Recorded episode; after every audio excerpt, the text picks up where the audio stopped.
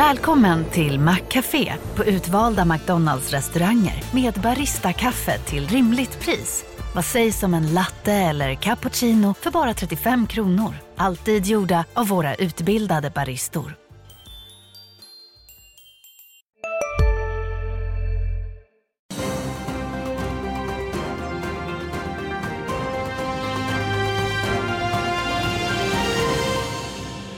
Vilket rally vi hade igår. Stockholmsbörsen upp 3,4 procent och glädjen fortsatte på Wall Street. Eh, I Asien är Nikkei upp 2,5 procent medan Hang Seng rusar över 3 procent. Det är onsdag idag, det är den 15 november. Det här är Börsmorgon.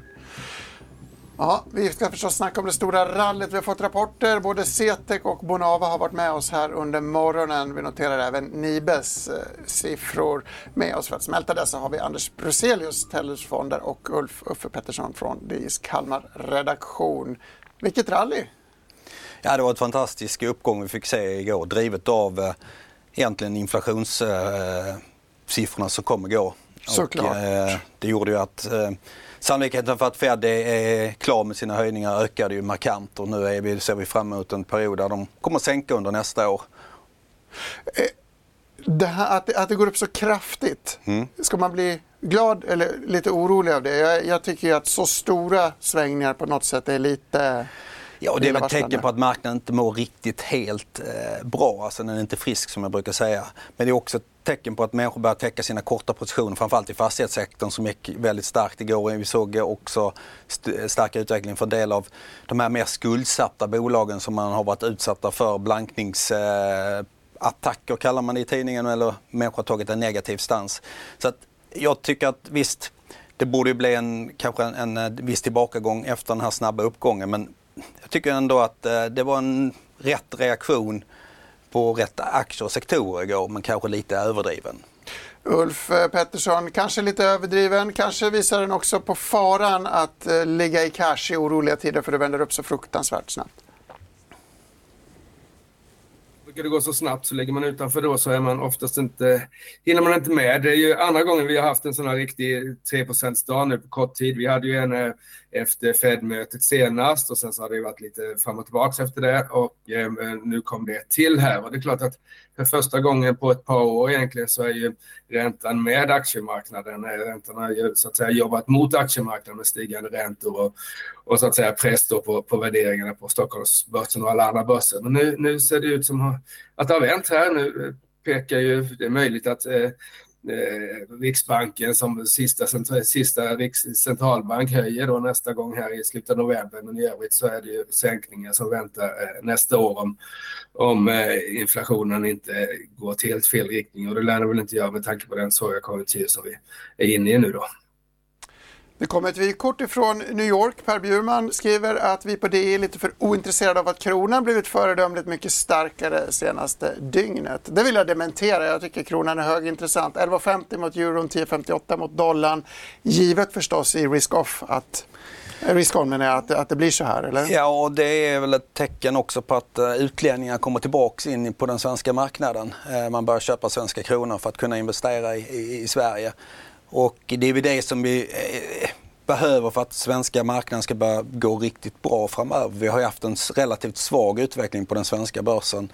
Framförallt om du är en eh, utländsk investerare och räknar in hur valutan då har gått på, på 12 månaders sikt. Nu ser vi en förstärkning av svenska kronan. Det är vad Riksbanken också vill se. Men som Uffe sa så eh, tror jag att vi räknar med att, får räkna med att ECB och Fed har över och sänkningar där. Men att Riksbanken då sannolikt eh, fundera på ytterligare en höjning, men det kommer nog bli den sista. Jag tänker att Riksbanken just med kronan i fokus kan knuffas över gränsen och göra den där höjningen fast de kanske inte borde eftersom de är så tända på en starkare krona. Jag håller helt med dig. Jag tror inte att de behöver höja det. Vi ser tecken på att konjunkturen håller på att mattas av. Eh, vi ska ju komma ihåg att svenska har ju en väldigt mycket rörliga räntor där då det biter direkt en, en räntehöjning. Eh, medan det tar mycket längre tid i Frankrike som bara 4 rörliga, eh, rörliga lån. Eh, Norge biter också väldigt snabbt. Så jag tror att de kommer gå ett steg för långt, tyvärr. Eh, men vi får väl se. Någon som noterar effekterna av Riksbankens höjningar är värmepumpsbolaget och allas älskling Nibe. De skriver i rapporten att räntehöjningar haft återhållande effekt på de produktsegment som är relaterade till bostadsproduktionen. Det kanske man inte behöver vara eh, Jan Guillou för att räkna ut. Ulf, eh, men rapporten får väl ändå sägas vara ganska mycket i linje med förväntningar. Eller hur går dina tankar kring, kring Nibe? Ja, jag tycker det är en bra rapport. Eh, Deras viktigaste och lönsammaste affärsområde, Climate Solution då, som innehåller de här värmepumparna går riktigt bra tycker jag. Sen så går de två andra mindre områdena, eh, Camino och Element, lite sämre. Det är vinstnedgångar där. Eh, så det är en bra rapport. Eh, tyvärr så lämnar ju inte Erik Lindqvist och Nibe några orderingångssiffror här, men eh, verbalt så, så, skriver han ju att det är en lugnare marknad, delvis till följd av de här räntorna som jag pratar om, Gabriel, men även eh, förändrade eh, subventioner i, i Europa. Det är Europa som är så att säga jobbigare nu. USA går fortsatt starkt för Nibe. Eh, och jag tycker det är, om man liksom ska göra någon slags kriminologi här och analysera vad Erik Lindqvist skriver i vd-ordet så är det ju ett par kvartal av betydligt lugnare utveckling som väntar här. Eh, det finns ganska höga lager påstår han också i, olika led och så där. Så det är väl den, den i siffrorna bra rapport tycker jag, men i orden är den väl lite svagare kan man säga. Eh, apropå affärsområden, det minsta affärsområdet, alltså Stoves, minskade resultatet med 18 procent. Eh, behöver vi inte ha full panik för det Ulf, eller hur, hur bekymmersamt är det? Nej, det är, det är en missräkning att, den, att, att det gick så då. Det är ju de här kaminen och det är klart att det är ju en, det är en produkt som är väldigt beroende av räntor. Liksom det kostar en del att sätta in i en sån där. Framförallt så har det ju mycket med nybyggnation också att göra. Det är klart att är nybyggnationen rakt ner så, så blir det ju så även, även för Nibe då. Sen så är det mer så att säga eh, Sverige, Sverige och Norden fokus i den verksamheten än i de övriga. Jag tycker att det som marknaden har liksom gjort att man har satt P40 40 på Nibe en gång i tiden, eller ja, det är inte så länge sedan, det är bara några kvartal sedan egentligen. Det var ju inte kaminerna utan det var ju värmepumparna och de levererade idag också. Vill du flika in något här? Nej, men det ska bli intressant att höra han, vad han pratar om konkurrensbilden. Vi ser ju nya aktörer. Vi läste ju igår att Quantum sätter igång sin fabrik där nere i, i eh, Europa och eh, Aira är ju inne på banan. Så jag tror att det finns plats för alla och jag tycker det här är ett intressant case. P talet som Ulf eh, var inne på var uppe på 70 här mm. i februari. Då var aktien upp 30% Nu är den ner ungefär 30% trots uppgången igår. Och P 25. Jag tyckte det är ett strukturellt väldigt intressant eh, case på de här nivåerna. Har du någon eh, känsla, och för att vara inne på det här att Europa är svagare jämfört med USA, inte så konstigt med tanke på konjunkturutvecklingen i respektive region? Nej, men de har ju drabbats av det här subventionsprogrammet i Tyskland, drog ut på tiden. Eh, och eh, Ja, det är väl klubbat att det, att det finns nu på plats. Det här kommer gynna försäljningen under, under nästa år framförallt. Så att, jag tror att det, vi behöver eh, den här omställningen i Europa. Så att eh, det kommer att se bättre ut eh, nästa år. Jag tror att förväntningsbilden ligger på en tillväxt på gruppen på ungefär 5 och Det tror jag är rätt rimlig förväntningsbild på, på försäljningen. Jag är inte säker på att Stove, jag tror jag var lite snabb i munnen där. Stoves kom in 18% lägre än förväntansbilden. Jag ska inte säga att, att det minskade, viktigt att hålla kvar. Men det blir mer än IB 12.30 när Gert-Erik Lindqvist intervjuas här i, i TV. Ulf, Vågar man säga någonting om hur aktien tas emot i öppningen på den här rapporten? Med tanke på den har ju gått svagt här hela året, ja, stor del av året. Men den gick ju upp en hel del igår och det där kanske man får betala lite för idag då efter den här rapporten. Sen tycker jag man kanske ska eh, notera kassaflödet här och framförallt skuldsättningen som börjar. De är ju inne i ett fantastiskt investeringsprogram nere i, i Markaryd här. De ska investera långt över 10 miljarder så småningom och det ser man nu på kassaflödet här. Nettoskulden har faktiskt ökat från 6 till 18 miljarder senaste, senaste året här. Så det är väl också något som marknaden kanske inte riktigt gillar även om ränte, räntepolitiken går med dem den här gången. Så jag tror lite nedgång idag på den här rapporten. Vågar man hoppas, eh, Anders, att marknaden ska bli lite snällare mot svaga rapporter nu när marknaden när vi är inne i ett, ett nytt skede? Liksom? För det har ju varit väldigt tufft att komma in mjukt. Ja, det har ju varit brutalt jobbigt för, för bolagen. Ehm, jag tror att vi är inne i ett mer positivt sentiment eh, och och att vi säsongsmässigt är en period när vi brukar få en, en uppgång. Så att jag tror att det kommer inte bli några jättenedgångar på Nibe. Det är lite beroende på vad han säger om framtiden, konkurrenssituationen och hur efterfrågansbilden ser ut. Även om han antyder att det ser lite mjukt ut i, i rapporten så innan vi kan dra för eh, snabba slutsatser så, så vill jag lyssna in på det. Men jag, jag, tror inte att det blir någon större nedgång utan det kanske till och med att den kan komma upp på den här. Så jag är inte säkert att eh, eh, Pettersson har rätt i det här men han brukar ha rätt så vi får se. Eh, Uffe brukar ha rätt men ingen är, ingen är perfekt. Bonava är inte perfekt heller. En rapport som kom in med en hel del utmaningar och tuffa tider. Den kan vi i alla fall enas om borde handlas ner på det här eller vad? Ja det gick ju upp eh, rätt mycket igår. Dels så var det ju på att eh, de blev klara med sin Rysslandsförsäljning. blev godkända av konkurrensmyndigheterna i Ryssland och sen så var det ju räntekänsligt och framförallt de som har en problem med sin skuldsättning som man handlade upp igår. Eh, ja, det här var ingen bra rapport. Det var ju väsentligt sämre än vad jag tror att marknaden generellt sett hade förväntat sig eh, på alla nivåer. Kommer med en extra nedskrivning här också. Mm. Eh, vi visste att de skulle ta omstruktureringskostnader för den tyska verksamheten. De har sålt i, i, i, i Norge. Så de håller ju på att arbeta med sin balansräkning och det säger de att de fortsätter att göra i, eh, under, i rapporten här också. Så att, eh, Ja, man pratar till och med om att göra om eller se över sin kapitalstruktur och eh, föra en dialog med långivare och andra intressenter. Väldigt många eh, rörliga delar i den här rapporten. Jag pratade med Peter Wallin i en väldigt lång intervju men vi ska tacksamt nog se ett kort utklipp ur den och det låter så här. Det finns ingen bomb i rapporten därför vi är extremt transparenta. Den här typen av långsiktig verksamhet kräver långsiktig finansiering. Självklart är det så. Och det gör också det att när vi har gjort de här omstegen och förändringarna som jag har beskrivit, både med, med att skära ner kostnaden och anpassa organisationen, sättet att arbeta på, eh, så, så har vi möjlighet att säga så här kommer Bonava se ut framöver och då behöver vi anpassa kapitalstrukturen efter det och inte det Bonava som vi kom in i 2022 med. Så att jag ser det här som ett bra, och vi har en väldigt positiv, bra dialog med både kreditgivare och större aktieägare i hur man ska se på det här. Så det handlar mer om att vara ansvarsfull i en svår utmanande situation. Svår utmanande situation säger Peter Wallin och det är det ju självklart. Titta gärna på hela intervjun om du har gott om tid. Vi snackade i 13 minuter. Han avslöjade bland annat vilken programledare som hans mamma tycker bäst om här på DI-TV. Ulf, tillbaka till rapporten då. Många svaga delar, väldigt tufft läge. Men också en vd som tycker jag tar uppgiften på allvar.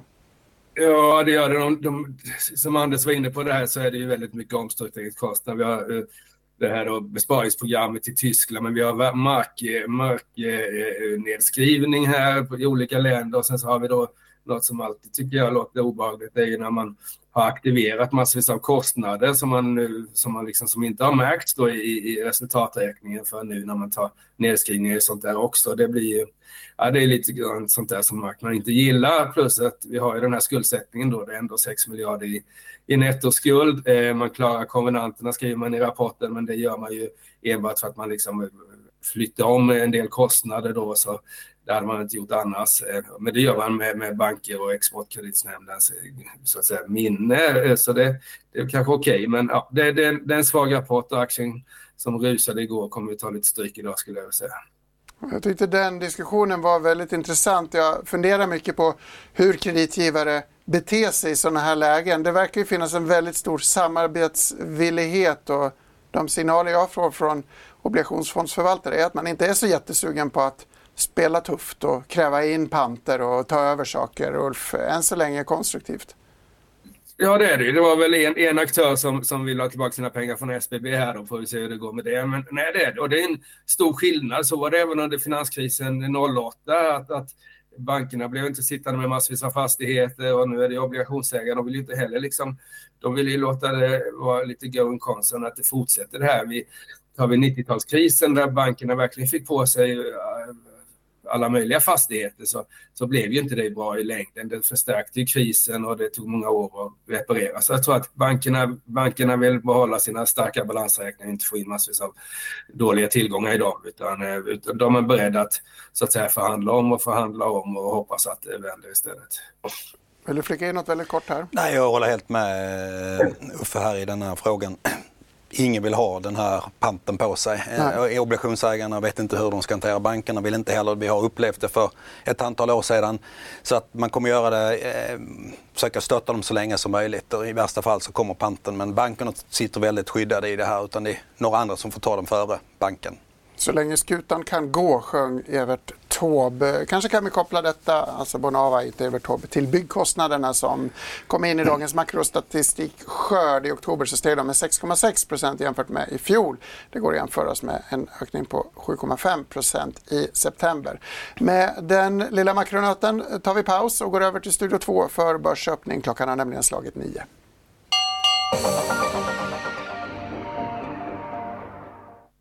Det ska verkligen bli spännande att se om Stockholmsbörsen fortsätter i dur. Precis nu vid börsöppning så ser vi att Storbolagslistan stiger 0,2 procent ungefär. Och om vi tittar där på storbolagslistan så ser vi Nibe i toppen som stiger lite drygt 6 procent på sin rapport precis vid börsöppning. De rapporterade ju ett rörelseresultat i linje med förväntningarna med något lägre omsättning. Om vi tittar vidare där på storbolagslistan så ser vi att även Electrolux och Tele2 rör sig över nollan.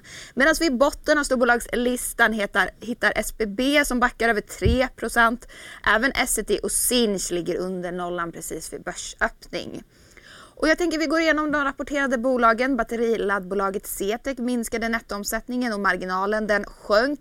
Precis för börsöppning så backar aktien 9% Även Bonava backar och är ner tvåsiffrigt, nästan 11% Bostadsutvecklaren som precis sålt sin ryska verksamhet rapporterar ökad omsättning men en miljardförlust efter nedskrivningar. Och kraftigt minskad vinst var det för Africa Oil som nu backar 2% Åt andra hållet rör sig vindkraftsbolaget Arise som istället stiger 8% på sin rapport. De har ju precis kommit med ett återköpsprogram och i rapporten så, så hade de ett ebitda-resultat på 43 miljoner vilket kan jämföras med förra årets superstarka kvartal när samma rad låg på 697 miljoner.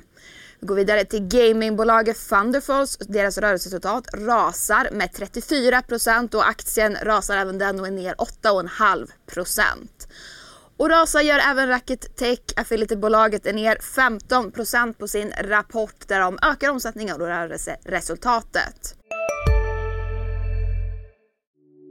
Hej, Ulf Kristersson här. På många sätt är det en mörk tid vi lever i. Men nu tar vi ett stort steg för att göra Sverige till en tryggare och säkrare plats.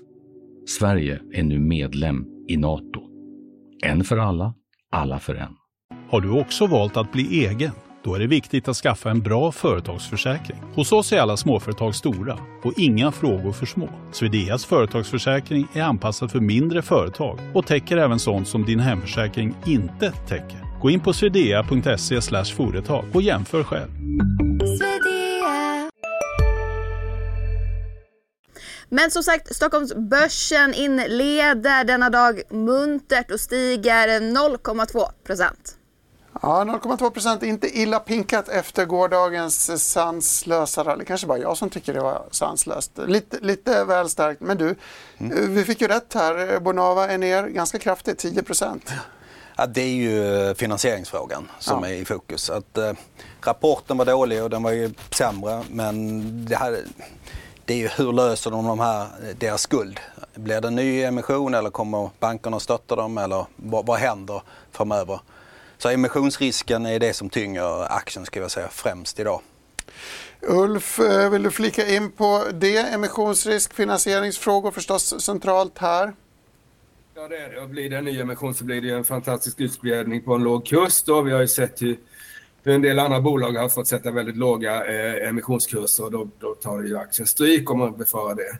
Så det, det, det, är väl det som ligger i, i som, som hemma Bonava idag. Eh, och sen så antar jag att du vill fråga varför ni bestiger så mycket och varför jag hade fel. Jag skulle inte formulera det så fientligt. Roligt att ni bestiger, eller hur? Ja, det är det. Det är ett fantastiskt bolag. En av efterkrigstidens stora, stora industriella framgångar i Sverige.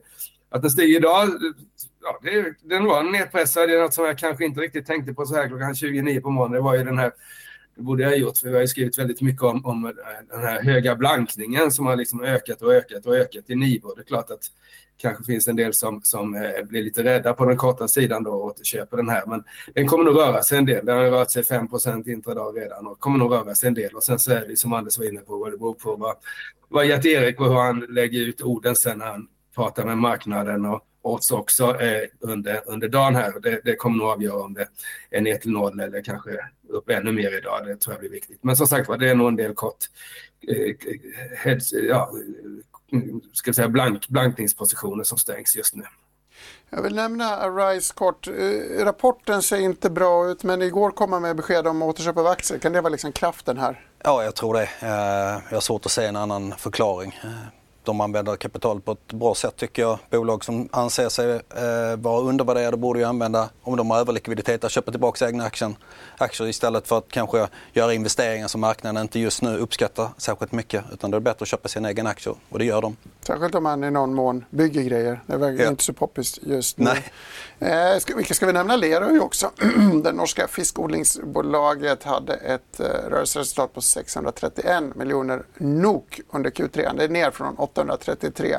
Eh, handlades ner också och det under förväntan på 750. Eh, tråkigt, tyngdes av eh, tidigare lagd slakt, bland annat av fisk. Eh, vi går inte in närmare på det bolaget, även om det är personlig favorit, utan vi stannar till hos CTEC, ett annat börssänke idag. Eh, kom ihåg att sektorkollegan Garo hade en dålig rapport och ett effektiviseringsprogram. I CTEC så fick vi också en hel del nyheter att ta in. Jag tycker vi börjar med ett ursnitt ur morgonens intervju med nya vdn. Vi har gått igenom lite tuffare tider. Men eh, mitt, första och mitt främsta fokus är lönsamhet för att sen kunna bygga en stabil lönsam tillväxt på det. Eh, mycket bra. Eh, en teknikalitet, kassaflödet då, står i fokus för många bedömare, minus 14 om jag inte eh, minns ja. fel. Du nämnde det inledningsvis, men kan du ge mig lite mer färg på varför det ser ut så?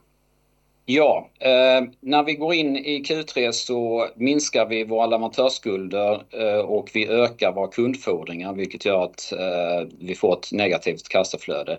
Sista månaden i kvartalet så vänder det och blir positivt och eh, vi ser också att det kommer fortsätta in i Q4 och vi står fast vid vår guidning att vi kommer ha ett positivt operativt kassaflöde för helåret.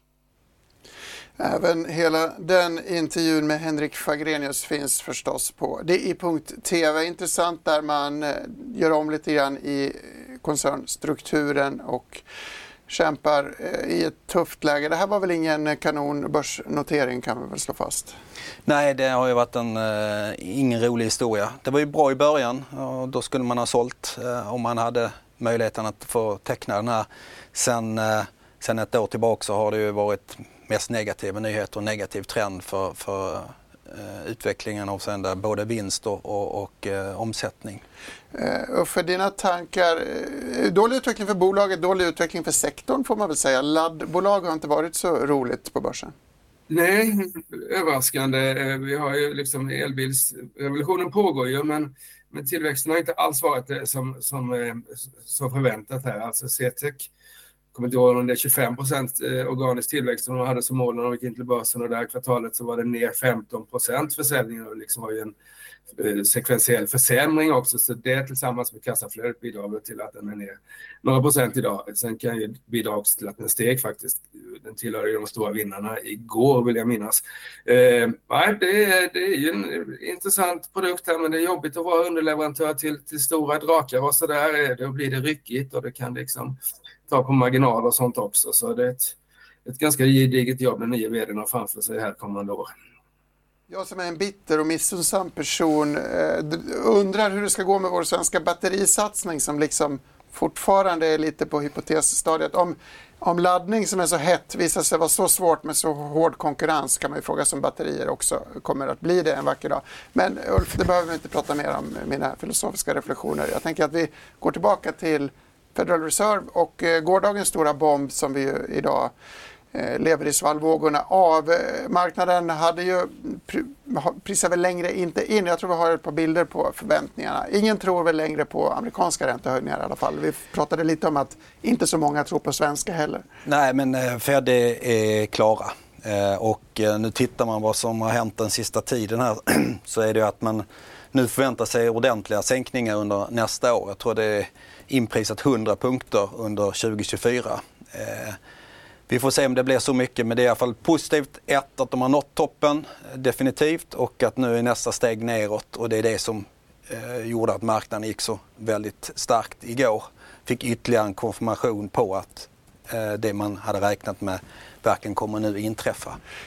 Vi fick den här Bank of America-undersökningen igår som alla pratar om och där ser man ju att alltså, redan innan, eller jag fick den igår, den kom väl tidigare till viktigare människor, men redan innan inflationsutfallet i USA igår så verkar det ju som att man hade svängt och för, för färre liksom, experter. Jag tror det var 73 eller 75 procent i den här studien som ja. sa att de var klara. Och eh, nu har vi också i den här rapporten så kan vi notera att man har gått tillbaka att tro på en soft landing igen och ökat, jag tror upp mot 75 procent, gick ner lite grann i september. Så att man ser ut som Fed klarar av att managera den här konjunkturen. Eh, allt för stora räntesänkningar nästa år från Fed kan ju tolkas negativt, det vill säga att det är då, då ett jätteproblem med ekonomin. Så att inte allt för kraftiga räntesänkningar vill man nog se för att marknaden ska få en positiv utveckling under 2024. Det är underbart då, för vi slipper lågkonjunktur i USA, vi blir av med inflationen. Pessimisten Gabriel Mellqvist skulle väl säga att det är konstigt att Europa ska ha lågkonjunktur utan att det smittas till USA och att de ju har väldigt mycket skulder borta. Dina tankar Uffe? Ja, men, och det är ju det är några saker som överraskat här i år egentligen. Dels är det att Kina går så svagt. Eh, eh, de öppnade ju upp sent efter pandemin och borde ha fått ett riktigt rally 2023 men fick det inte. Och sen så är den andra positiva överraskningen var att USA ekonomin har liksom tuffat på så bra trots historiskt snabba räntehöjningar så var ju BNP-siffran för Q3 var ju jättestark i USA och konsumtionen håller, håller uppe. Eh, har nog delvis att göra med att, eh, att eh, även i USA har man liksom långa, långa eh, långa bundna lån på sina bolån, att man inte har fått den här smällen som vi får i Sverige. Plus att det är ett konsumtionsintresserat samhälle och arbetslösheten är låg fortfarande. Den är ju liksom, det är fortfarande brist på arbete, brist på liksom anställda i, i USA. Så det har hållit upp ekonomin och om det, om det nu blir mjuklandning så är det jättebra. Eh, vi får väl se lite. Det är ju det är så mycket som har hänt senaste åren. Så det är väldigt svår, svår utvärderad ekonomi vi är inne i. Det kan ju bli så att eh, helt plötsligt att den amerikanska konsumenten börjar svikta här trots att räntorna liksom inte stiger. Men eh, ja, vi får väl, det är åtminstone positivt och för aktiemarknaden är det väldigt positivt om man nu får säga att vi får ner, som eh, du och Anders var inne i studien, får ner eh, Eh, långräntan är en procentenhet då, eh, så skulle det göra i en sån här aktievärderingsmodell 10-15 procent på på börskursen i alla fall om man anser det vara så att säga den nya verkligheten. Och det, vi fick ju tre igår och så kanske vi får några till procent senare i, i, innan årsskiftet. Här. Vi brukar alltid ha ett julrally och det kanske kommer i år också. Då. Så kommer tomterallyt i år. Igår när ungarna hade somnat så tittade jag på Bloomberg TV och såg Katie Wood intervjuas där.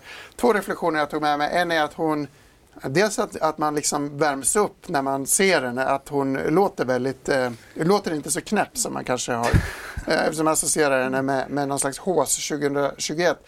Eh, hon upprepar en bedömning om att deflation kommer härnäst efter den här inflationschocken. Och så säger hon att man ska köpa krypto. Hon pratar mycket om att amerikanska myndigheter har ändrat sitt tonläge i, i, när det gäller kryptovalutaregleringar. Många hoppas på den här ETFen. Jag vet inte om du vill reflektera över de här två Nej, men Man kan väl kolla att eh, bitcoin och en del av de andra valutorna har ju gått väldigt starkt och det är dels är nog förklaringen det du är inne på att man ska se det som en ja, okej okay, eh, asset. För jag ser det som en, eh, en tillgång snarare än en, en, valuta. Men sen också att kineserna har ju antagligen legat och köpt eh, rätt mycket de sista månaderna. Det är väl de två förklaringarna jag har förstått eh, motiverar den här uppgången vi har sett i, bland annat i bitcoin. Eh, men eh, det är intressant att hon är tillbaka och vi kan väl bara kommentera det. Jag menar, vi hade en tioåring på lite över 10% för en månad, 5 eh, mm. för, för en månad sedan och nu är vi på 4,45. Så det var ju det är ju bara där har vi tappat en halv procentenhet. Ju. Anmärkningsvärda rörelser på räntesidan också. Nu måste jag, vi får inte glömma bort något. Krypto, krypto backade mm. faktiskt igår. Men ränterörelsen var anmärkningsvärd. Kronan stärktes. Och kolla in den här grafen. Russell 2000, småbolag i USA, utskällda, uträknade. Eller du, I alla fall så har de gått väldigt dåligt. Nu tillbaka över noll för helåret eh, efter en anmärkningsvärd uppgång. Jag tror det var upp 5% i år, de amerikanska småbolagen. 5,44 tror jag. 5,44, vilket eh, minne. jag kollade i morse för säkerhets skull. Men eh, det är ju drivet av, eh, en stor del är ju regionala banker och de gick ju väldigt, väldigt starkt igår. Eh, jag tror att det är ungefär 30 procent. Eh, så att det förklarar en del av den här uppgången och eh, jag tror ska vi få en fortsatt positiv uppgång på den amerikanska marknaden som sen smittar över på, på de övriga eh, marknaderna i världen så krävs det nu att småbolagen eh, kommer in i spel. För det kan ju inte bara drivas av de, de fantastiska sju eh, som är uppe över 50 procent i, i år. Eh, utan vi måste se en bredare uppgång. Och, då tycker jag det här är väldigt intressant att, att, att, eh, kolla på. Vi ser ju samma svaga utveckling för småbolag i, i, i Sverige och, och eh, på många andra marknader. Ulf, vi har pratat många gånger i studion om att småbolagen borde få revansch snart. Tror du att det är dags nu? Ja, om, om, om börsen håller i sig så kommer småbolagen bli en rejäl eh, relativ vinnare här. Alltså, eh, Micke Wilenius, när jag var uppe i Stockholm senast så visade min kollega Micke Wilenius en graf, han ska ta fram grafer av olika slag. Och att, att eh, skillnaden mellan utvecklingen på storbolagsindex i Stockholm och småbolagsindex har aldrig varit så mm, negativ till småbolagens fördel. Det var någon vecka sedan jag var uppe då, eller aldrig. Det var nere på någon slags sån här 2000 nivå och eh, eh, när det har gått så här svagt för småbolag jämfört med storbolag så brukar det alltid bli en vändning där småbolagen stiger klart mycket mer än storbolagen. Och den vändningen brukar då eh, liksom, så att säga startas med att vi får en allmän vändning på börsen och sen så då blir det lite eh, gummiband på, på, på småbolagsaktierna och det kanske är precis det vi såg igår då med den här kraftiga uppgången. Och bli, får vi en bra börs så kommer småbolag vara väldigt bra här och som Anders var inne på så i, i Russell 2000 är det mycket regionala banker. I, I Sverige har vi ju ganska mycket fastigheter i vårt småbolagsindex och det är klart att de är lite, lite samma sida av, av samma mynt, region, regionala amerikanska banker och fastighets, svenska fastighetsbolag, de, de gynnas liksom lite av samma sak här. Så att, att liksom bättre risk, riskvillighet och sådär på marknaden. Så eh, ja, det kan bli ett riktigt småbolagsrally efter att ha haft en väldigt tuff tid under ganska lång tid. Mm, roligt att du nämner det Uffe. Jag tänkte ha det som nästa programpunkt, nämligen den veritabla explosion som vi såg på fastighetssektorn i, på Stockholmsbörsen igår. SBB var upp 25 procent nästan. Det här är index upp 9,2 procent. Väldigt pressad sektor förstås. Absolut, oerhört blankad sektor. Man har haft svårt att se några positiva eh, signaler där. Många har varit tvungna att jobba med sina balansräkningar. Det har kommit ut eh, tillgångar på marknaden som någon skulle absorbera. Så dels så fick vi ju positiva inflationssiffror, det vill säga att de kommer kunna höja sina hyror lite mer än kanske marknaden förväntat. Det var ju 6,5 på den viktiga oktobersiffran precis. som styr. Ja. Och sen så hade vi då den här snabba räntenedgången. Även de svenska räntorna följer jag tror 12%, 12 punkter igår. Så att, eh, det var ett väldigt positivt klimat för, för den här sektorn eh, totalt sett. Och, eh, den är ju underägd. Och jag tycker det var intressant med Sagax eh, eh, emission igår att de är ju offensiva. Det är en mm. av de få som köper tillgångar. Eh, och vi får se om de blir vinnarna eller om det blir någon annan. Men jag tyckte det var intressant att se att de det gick rätt enkelt att sätta emissionen och sen så stängde de faktiskt över emissionskursen igår. Men Sagax är väl lite av en Kristusfigur inom svensk fastighetsnäring som går på vattnet. Uffe, är det bara jag som tycker att 25% uppgång i SBB är lite mycket eh, på ett amerikanskt inflationsutfall?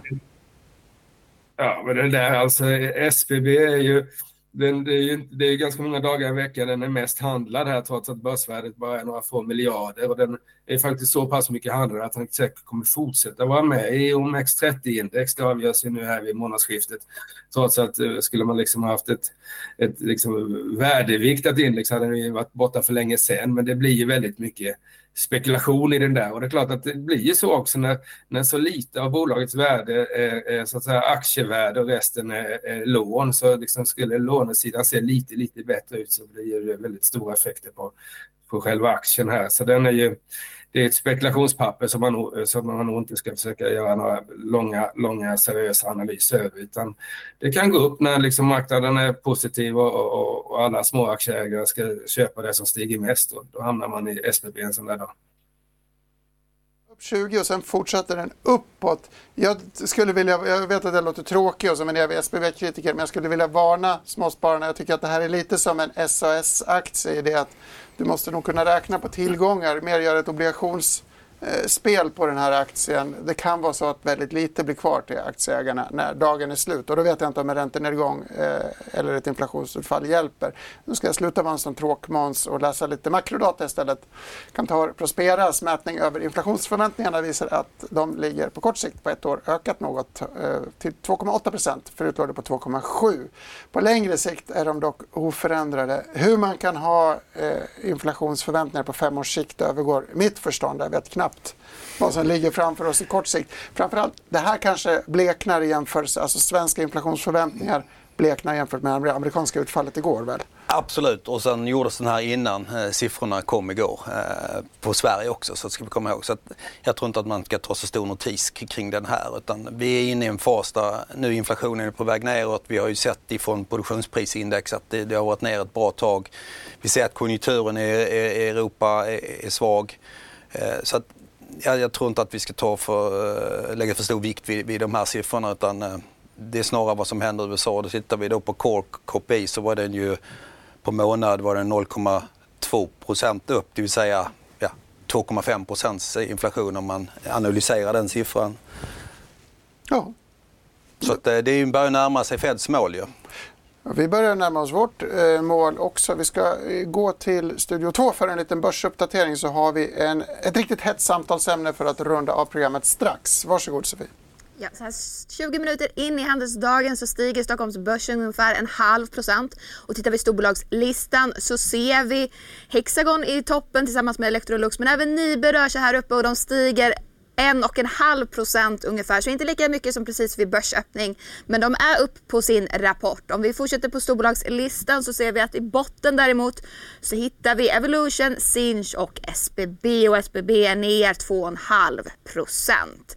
Om vi går tillbaka till de rapporterade bolagen, batteriladdbolaget CTEC minskade nettoomsättningen och marginalen den sjönk och aktien den tappar 7,5% Desto mer tappar aktien i bostadsutvecklaren Bonava som är ner tvåsiffrigt 11,5 just nu. De sålde sin ryska verksamhet men rapporterade ökad omsättning med en miljardförlust efter nedskrivningar. Och sen kraftigt minskad vinst för Africa Oil. De backar 2,5% på sin rapport. Vindkraftsbolaget Arise däremot, de stiger 18, nästan 19% nu. Deras rapport var ju inte den starkaste. Men de meddelade samtidigt att de kommer med ett återköpsprogram. Gamingbolaget Thunderfalls rörelseresultat rasar med 34% och aktien rasar 9%, nästan 10%. Rasar gör även affiliatebolaget Raketech som är ner 8% lite drygt. De ökar omsättningen och rörelseresultatet i sin rapport. Och sen så tog jag upp forskningsbolaget Abliva som rusar 24% efter de har ingått ett licensavtal med ett amerikanskt bolag för att sälja bolagets behandling mot traumatisk hjärnskada. Och så tänker jag att vi avrundar i Oslo för det var lägre resultat än väntat för norska fiskodlingsbolaget Lerøy och de backar 4,5% på Oslobörsen. Men som sagt, det är ändå muntert på Stockholmsbörsen som stiger ungefär en halv procent. Mm, en halv procent. Eh, Anders, jag var inne i början av programmet att, mm. att den nya fina börstiden som vi gick in i igår skulle vara mer förlåtande mot svaga rapporter. Den, den teorin kan vi skriva av va? Ja, det ser vi på Bonava som är ner över 10% och även Cetec upp ner ungefär 10% så Det kanske var bara en tillfällig uppgång igår men jag tror att vi utkristallisera vilka som är riktigt bra och vilka som är mindre bra eh, bolag. Eh, och det kommer väl fortsätta. Så att det Uffe var inne på lite grann tidigare. Marknaden har ju köpt stora bra bolag i år om man vill vara med på marknaden. Och vi får se om det här nu går över till de lite mindre bra bolagen. Eh, men de sämre bolagen kommer fortsätta ha svårt att performa och attrahera kapital tror jag. Ulf, eh, du fick ju kritik tidigare för att eh, din Nibe-prognos, den verkligen nu var på väg ner i Ulf Pettersson, nästan, inte riktigt negativ, men, men uppgången har mattats av i alla fall. Ja, den brukar faktiskt röra sig en hel del eh, på rapportdagarna, Nibe här, så att den, nu har den rört sig 6-7 procent hittills idag i intradag. Och det kommer nog vara, vi får se om den går under, under nollan här. Det är, inget, det är inte så att jag liksom lever för det och så. Men eh, utsikterna var ju lite bleka. Och, eh, man brukar vilja köpa aktier vars vinster stiger. Det brukar vara en väldigt bra strategi. Och det, är klart att, och det kommer de göra för Nibe på sikt, men kommande kvartalen är ju inte givet. Eh, eh, att de stiger, eh, åtminstone inte så mycket som de steg under Q3. Eh, och det är klart att då, då är marknaden kortsiktig och kanske liksom säljer av lite. Vi får väl se helt enkelt. Det beror på mycket vad, vad erik Lindqvist säger. Eh, på, på, ja, han ska väl vara med i vår lunchsändning, inte minst klockan halv ett om jag förstår det rätt prognosen. Eh, om Sven Hagström någonsin vill vara med i DTV igen, det återstår att se efter att du Ulf tagit fram eh, hagelbössan och skrivit så här. Ett fullständigt haveri, nu bör Sven Hagströmer avgå. Eh, kanske inte så konstigt ändå med tanke på Knut Frängsmyrs raska sorti. Du anser att det här spiller över på styrelsen? Ja, det gör det ju. Det är alltid styrelsen som utser vd. Jag försökte, jag fick ganska mycket eh, kommentarer, ovanligt mycket kommentarer på de där. En del positivt internt från, från, från folk på TI och lite andra journalister och sånt där, medan det var en del utanför medias väggar som tyckte jag var hård. Jag eh, försökte att inte vara så hård. Det finns ingen anledning att vara hård mot Sven Hagström om man liksom ser allt han har gjort under de här fem decennierna eller vad han har hållit på då. Men nu är han ju 80 här, eh, det ska in en ny VD, det kanske, den VD kanske ska utses av någon som, som så att säga är ja, en, en, en, en ny kraft helt enkelt. Jag tycker att Sven Hagström absolut har en roll att fylla både på, på eh, i Avanzas styrelse och Creades och allmänt i samhällsdebatt och sånt där. En väldigt bra person, men, men eh, kanske som hedersordförande la jag fram att han skulle bli istället, istället för styrelseordförande och låta någon annan så att säga ta kontrollen över den här eh, tillsättningen. Då. Det är ju, eh, de, Avanza tillsatte en person som heter Johan Prom 2017 som fick lämna efter ett halvår. Det var ju också ett, ett misstag. Nu kom ett till här så man kanske ska liksom fundera igenom hur man tillsätter vd. Det var det nästa jag ville säga. Sen så blev det ju alltid så hårt när man läser det i tidningen. Men jag, det var inte min mening utan det var mer att jag ville ge ett, ett, ett, en, en, en, en, ny syn på en förändring som skulle kunna vara till det bättre snarare än att klanka ner. Men ja, vi får väl se eh, vad som händer. Nu är väl eh, nu har inte Sven Hagström uttalat sig här och vi får väl se när han eh, gör det. Det är intressant att se hur han ser på, på, på det som har hänt. Jag tycker man ska få föra den här typen av resonemang. Alla älskar vi Sven Hagströmer. Jag har hört på stan, jag har hört på Rish att han ligger sjuk i denguefeber och vi hoppar på ett kvickt tillfrisknande förstås. Eh, det gör ju självklart Uffe också. Intressant ändå, eh, styrelsens ansvar. Jag har skrivit lite grann om rekryteringsfirman. Eh, svårt att veta vem som beslutade och hur man tog in den information som researchades fram. Vill du reflektera över detta? Annars så kan du få svara på frågan, ska man äga Avanza-aktien? Det skulle man ju gå. i alla fall. Ja, den, eh, det är väl en lite högre beta på den aktien så att det motiverar väl den uppgången som var 6% Ungefär som Nordnet. De sista månaderna så har de gått eh, hand i hand. Eh, under, på ett år tillbaka så är Nordnet den aktie som har gått bäst och det är väl motiverat med, med tanke på resultatutvecklingen som, som eh, bolaget har, bolagen har pres, pres, eh, presterat det här året. Jag tycker Avanza börjar bli rätt spännande på de här nivåerna. Det är P15 om nu bortsett från det här eh, debaclet på, på eh, rekrytering av VD. Och du har ju ändå en avkastning på kapitalet på 35 procent. Så att jag, jag, tycker nog att Avanza är spännande och nu om vi nu får återgång att man börjar köpa aktier igen i större omfattning och börjar spara så kommer det gynna. De har ju levt på räntenettot nu den sista tiden så att deras kärnaffär kanske kan få en bättre utveckling än vad vi har sett under året under 2024. Så att, eh, ja, jag tycker det är ett spännande case. En högbeta-aktie alltså som kommer att vara en vinnare om börshumöret håller i sig. Ulf, vill du avsluta reflektionen kring Avanza Nordnet-aktierna och dess framtid?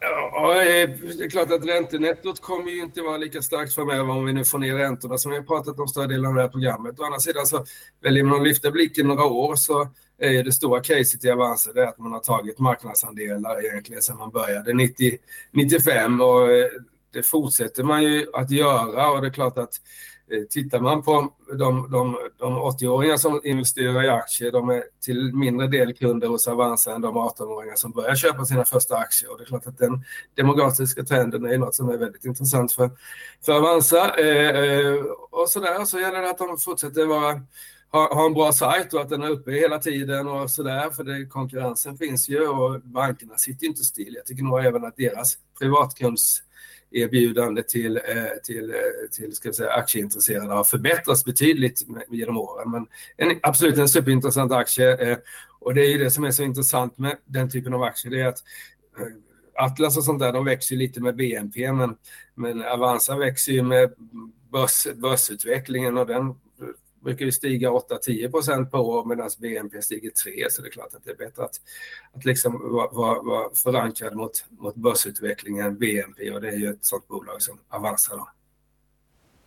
Med de orden Ulf så vänder vi oss i in i kamera 2 och så säger jag, Ulf Pettersson, Anders Berzelius från Tellus fonder tack för oss denna onsdag. Vi är tillbaka, som sagt, Gert-Erik och Nibe 12.30 Repris på det i Börskoll klockan 14.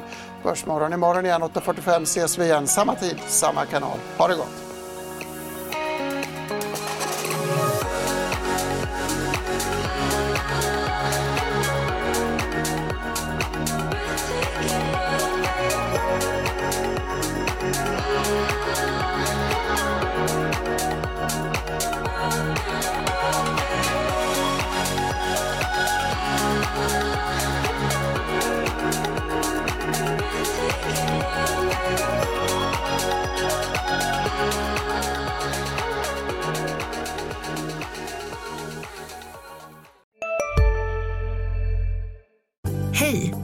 Synoptik här. Hos oss får du hjälp med att ta hand om din ögonhälsa. Med vår synundersökning kan vi upptäcka både synförändringar och tecken på vanliga ögonsjukdomar. Boka tid på synoptik.se. Redo för sportlovets bästa deal? Ta med familjen och njut av en Big Mac, McFeast eller Cooper Cheese och Company plus en valfri Happy Meal för bara 100 kronor. Happy Sportlovs deal, bara på McDonalds.